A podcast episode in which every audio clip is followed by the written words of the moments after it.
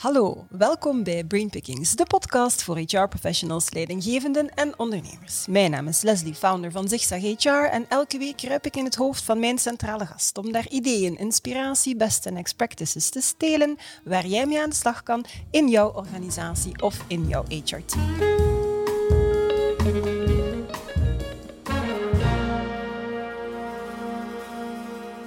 En vandaag kruip ik in het hoofd van Jentel van den Broeke, country manager Benelux bij Performance. Jentel omschrijft zichzelf als een atypisch klinisch psycholoog. Hard voor mensen, maar tegelijkertijd zeer prestatiegericht. Ze startte haar carrière in de psychiatrie, maar vond al snel haar weg naar de HR, waar in de wereld van projectstaffing van verpleegkundigen. Om dan uiteindelijk na zeven jaar te starten bij Performance, waar ze ondergedompeld werd in de wereld van online assessment tools. Jentel houdt van zeilen, skiën, misschien ook van zigzaggen en ze is een echte boekenworm. Nu, alle goede dringen uh, bestaan uit drie. En dat klopt, want dit is ondertussen de derde keer dat ik in Jentel haar hoofd mag kruipen. Er valt daar heel wat te stelen, heb ik ondertussen gemerkt. Bekijk dus zeker de vorige brainpickings met Jentel over talentmanagement in tijden van telewerken en over data mining, HR tech en algoritmes. Vandaag gaan we het hebben over recrutering en het meten van soft skills op afstand. Iedereen is ondertussen overtuigd van het nut ervan. Maar hoe kunnen we soft skills capteren als we niet meer face-to-face met iemand in een sollicitatiegesprek kunnen spreken? Wel, dat ontdek je dus in deze podcast. Dag Jentel. Hallo, dag Lizzie. Welcome again. Thank you. Alles goed met jou? Alles in orde. Met jou ook nog steeds? Absoluut, alles goed met mij, Super. dankjewel. um, Jentel, het um, World Economic Forum schuift de 16 21st century skills naar voren die we vandaag en morgen gaan nodig hebben, mm -hmm. volgens hen. Nu, jij bent country manager van ja, de soft skills expert in Europa. Mm -hmm. En dan ben ik eigenlijk wel heel benieuwd wat volgens jou dan de belangrijkste soft skill is uh, vandaag en morgen. Mm -hmm. Ja, zoals uh, bij de World Economic Forum zeggen, zijn er heel wat soft skills die aan belang gaan winnen en die op dit moment ook al uh, zeer sterk van belang zijn. Uh, zoals probleemoplossend vermogen, kritisch denken, creativiteit, people management, samenwerken enzovoort. Um, wat is volgens mij de belangrijkste van al die soft skills? Dat is volgens mij aanpassingsvermogen. -hmm aanpassingsvermogen, zowel voor het individu, dus voor de werknemer, als voor het bedrijf. Um, voor het bedrijf, omdat de wereld snel verandert. Uh, heel snel. Uh, er is altijd een kortere duurtijd van de strategie, hè, waar mm-hmm. bedrijven vroeger mm-hmm. strategie voor vele jaren konden vastleggen, is dat op dit moment niet meer het geval door die, die veranderende wereld.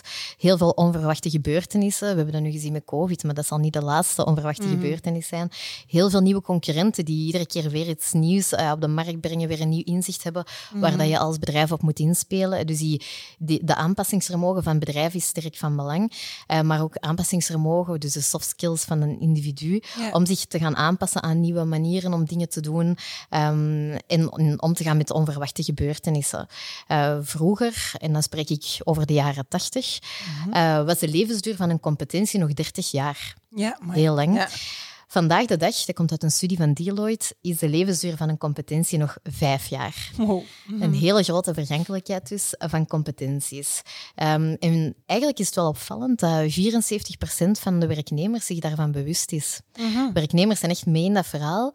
Uh, 74% daarvan zegt, ik wil levenslang leren, want ik zie dat mijn competenties vergankelijk zijn. Mm -hmm. Dus dat is wel interessant. Nu komt dat nu dat die, dat die competenties zo vergankelijk zijn geweest? We kunnen eigenlijk vanuit verschillende invalshoeken gaan bekijken en verklaren.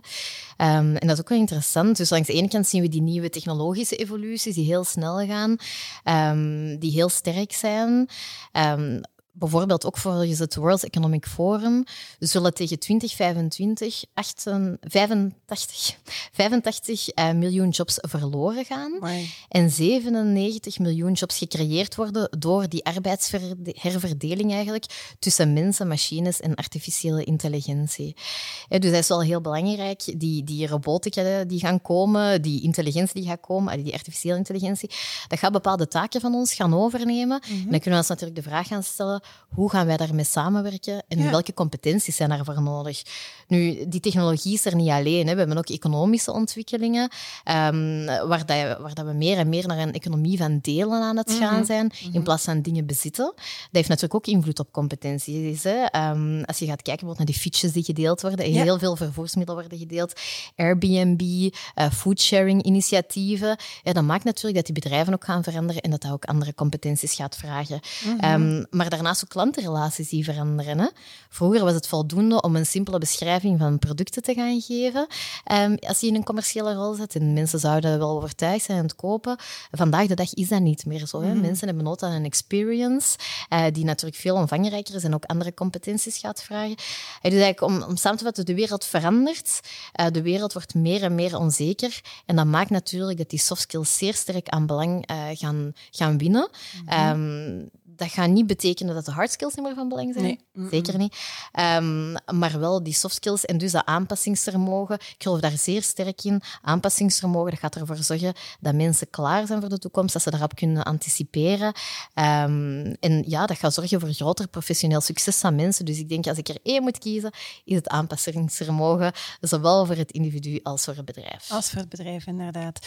Nu, uh, het belang van soft skills bij recruitment is natuurlijk uh, niet nieuw. Recruiters waren zich ook pre-COVID al bewust van het toenemende belang daarvan. Ehm, hoe kijk jij daar dan naar in de context van vandaag? Wat is de impact van COVID volgens jou op het belang van die soft skills? Mhm. COVID heeft het belang van soft skills vergroot. Mhm. Zeker weten. Um, ja, die, die, die transities die bezig waren, ecologische transitie, meer naar groene economie, uh, digitalisering enzovoort, dat waren processen die daarvoor al belangrijk waren, die al uh, ervoor zorgden dat die soft skills van belang waren. Ja, dus dat is zeker niet nieuw. Um, die soft skills die waren al een grote bezorgdheid van die recruiters voor COVID er kwam. Maar die sanitaire crisis die heeft gezorgd voor veel onzekerheid, mhm. voor heel veel complexiteit opeens. Uh, heel veel telewerken opeens. Dus uh, bijvoorbeeld de soft skill autonomie van uw mhm. werknemers die is opeens ja, heel belangrijk geworden. Um, en in het algemeen heeft COVID dus gezorgd voor een nood aan een nieuwe mix uh, van vaardigheden. Um, door die snelle nood aan nieuwe manieren van werken, aan anticiperen op onverwachte gebeurtenissen enzovoort, uh, aan die fysieke afstand tot de werkplaats enzovoort. Dus langs de ene kant in recruteringen uh, zal dat natuurlijk van pas, allez, zal dat een belangrijk issue worden, nog meer. Mhm. Ehm, maar ook bij het bestaande uh, bestand van werknemers. Hè. Dus er mm meer nood komt aan die upskilling, aan die reskilling. Um, er is bijvoorbeeld ook een studie gebeurd aan de Universiteit van Strasbourg, aan de Business School in april 2020. Um, waaruit dat zij hebben geconcludeerd dat er ook een aantal soft skills sterk achteruit zijn gegaan ah, tijdens de mhm. COVID-periode. Ja. En de drie voornamelijkste zouden zijn het vertrouwen in anderen. Dat is de mhm. eerste. Tweede, het enthousiasme. En derde, sociale vaardigheden. Ja. Um, dus eigenlijk, ja, om het, om het een beetje samen te vatten, ten eerste gaan soft skills aan belang winnen volgens mij bij recruteringen. Dat is nu al gebleken met COVID. Mhm. Ten tweede zal er een nieuwe mix aan skills nodig zijn. En ten derde zitten de soft skills ook een stukje in moeilijkheden op dit moment. Ja, ja, oké, inderdaad. Ja. Ik kan me zeer goed inbeelden, sociale vaardigheden, het feit dat iedereen zich ja, nu verplicht op, op zichzelf moet gaan werken van, van thuis uit, ja, dan de sociale interactie vermindert. Dus ja, ook de mhm. ontwikkeling van sociale vaardigheden en such mm gaat daardoor ook uh, geïmpacteerd worden. Um, nu, bedrijven zijn natuurlijk allemaal op zoek naar de perfect match. Hè? Want het mhm. aantrekken van talent, ja, dat kost behoorlijk veel geld. Dus een bad hire is in allen tijden te vermijden. Wat zijn volgens jou zo de belangrijkste, of vanuit jouw ervaring, de belangrijkste oorzaken van een, een bad hire? Waar, waar loopt het zoal fout? Mm Um, wel ja, dat klopt. Hè. Dus op dit moment een derde van de contracten van onbepaalde duur die worden gestopt binnen het jaar. Mm dus dat is eigenlijk heel veel, hè, mhm. een derde. Uh, dat geeft inderdaad, zoals je zegt, kosten zowel op indirect als op direct vlak. Uh, indirect ook, hè, naar de mindset van de andere mensen die daarmee hebben samengewerkt, de tijd die er in die mhm. persoon is gestoken, um, enzovoort. Hè. Dus een, een, dat is wel degelijk een groot, een groot probleem. Um, wat zijn voornamelijk de redenen? Wel, we zien dat ook in onderzoek dat 36% uh, eh, van de redenen zijn een mismatch qua soft skills. Mm 29% een mismatch qua hard skills. Dus hard skills zijn nog wel degelijk van belang. Niet zo belangrijk als soft skills, maar toch wel. Uh, toch ook van belang. En 23% uh, onduidelijke verwachtingen van het bedrijf naar de werknemer toe. Ja. En in 12% zijn het andere redenen. Dus ja, allee, heel, veel, uh, heel veel verschillende redenen, maar die skills die komen toch wel sterk naar mhm. boven. Um, en dat is ergens ook wel allee, te begrijpen, omdat als je nu ziet, een recruteringsproces dat bestaat typisch uit een aantal stappen waarbij ze meestal gaan beginnen met het omschrijven van een vacature. En in die vacature mm. wordt gezet, we verwachten dit diploma, we verwachten deze competenties uh, en deze ervaring. Op basis daarvan gaan dan kandidaten postuleren, wordt er een cv-screening gedaan, er wordt dan een interview gedaan, waar langs de ene kant op de hard skills wordt gefocust, uh, wat natuurlijk wel interessant is, maar daar ga je wel een bepaald plafond mee gaan bereiken. Mhm. hè? Want iemand kan wel de juiste hard skills hebben, maar hoe gaat hij interageren met collega's? Hoe gaat hij communiceren op een constructieve manier enzovoort? Dat ga je op die manier niet kunnen weten. Hè? Dus um, in dat opzicht is het waar wat je zegt, dat de, dat de recruiters van vandaag zich wel bewust zijn van het belang van de soft skills en dat ze die dus ook gaan aftoetsen mhm. in een recrutering. En 95% van de recruiters gaat dat eigenlijk doen tijdens het interview. Ja dus op zich is dat wel oké. Ze zijn zich ervan bewust en ze gaan ze ook wel testen. Uh, maar de meeste recruiters gaan dat wel doen tijdens een interview. Mm oké.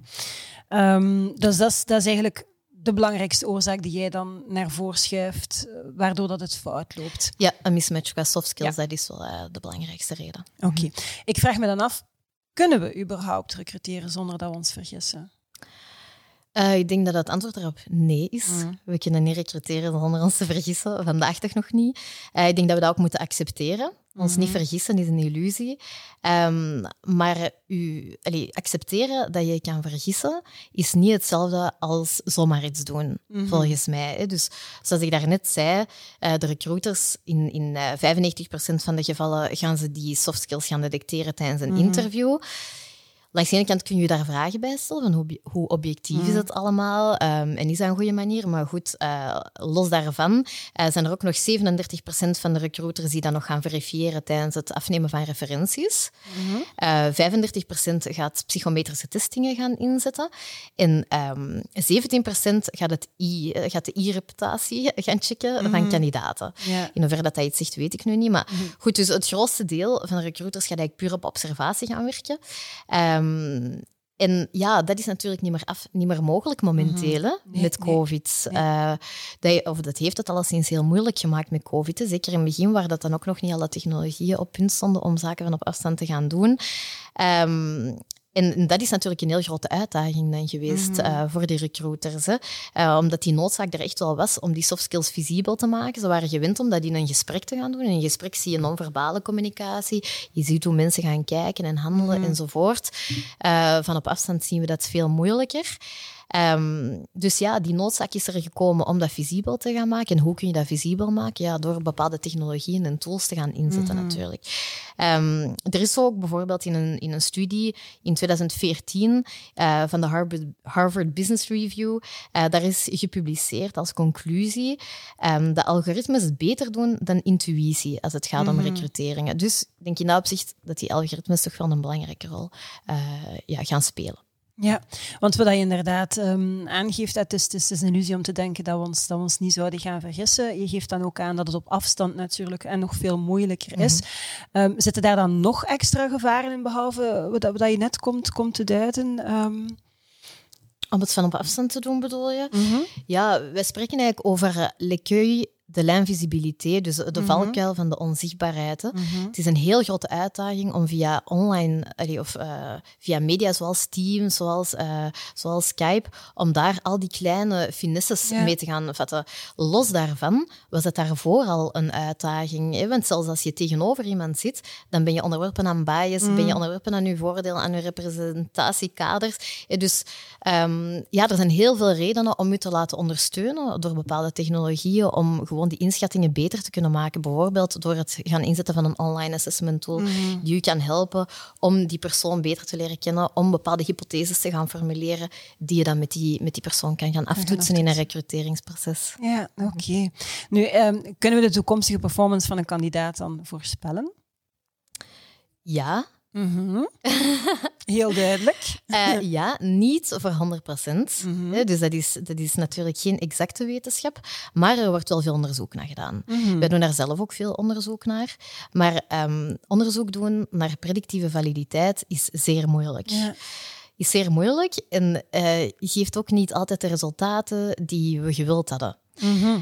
Coëfficiënten daar liggen meestal rond punt 6, punt 7. Eigenlijk zijn dat al hoge coëfficiënten Mhm. voor eh, predictieve validiteit. Ehm, waarom? Omdat natuurlijk de performance van een kandidaat niet bepaald wordt door één factor. Mhm. Dat wordt bepaald door zeer veel factoren, ook zeer veel omgevingsfactoren. En in die studies wordt er meestal maar één iets bekeken. Ehm, dus ja, we zien ook in die studies dat als we meerdere factoren gaan betrekken, dat de resultaten ook beter worden. Dus dat de performance beter voorspeld wordt. Ehm, bijvoorbeeld als we de persoonlijkheidsmetingen gaan combineren met aptitudes of met cognitieve vaardigheden, dan zien we dat die indicatoren van, van predictiviteit gaan verhogen. Ehm, om een voorbeeld te geven, we hebben bijvoorbeeld een studie gedaan samen met de Universiteit van Parijs. Eh, dat ging over een van onze tools, Manager, eh, waarin dat de managementvaardigheden van mensen eigenlijk in kaart worden gebracht. Dat was een longitudinale studie. Iedere zes, eh, die loopt nog altijd eigenlijk. Iedere zes maanden eh, werd en wordt er een meting gedaan, zowel op kwalitatief vlak, dus bijvoorbeeld hoe tevreden is die persoon in zijn werk, dat wordt dan gedaan door een interview, als op kwantitatief vlak, dat wordt dan gedaan door middel van een vragenlijst. Bijvoorbeeld, wat is het loon van die persoon? Mhm. En op basis van die studie hebben we gezien dat acht van de twaalf eh, managementindicatoren die in die tool gemeten worden, significant predictief zijn voor de performance van de manager. Oké. Ehm, nu, over het algemeen, welk belang moet er volgens jou gegeven worden aan die psychometrische tools in recrutering en talentmanagement? Ehm, ja, eh, psychometrische tools die moeten op de plaats gezet worden waar ze thuis horen. Mhm. Eh, daarmee spreek ik niet tegen mijn eigen winkel.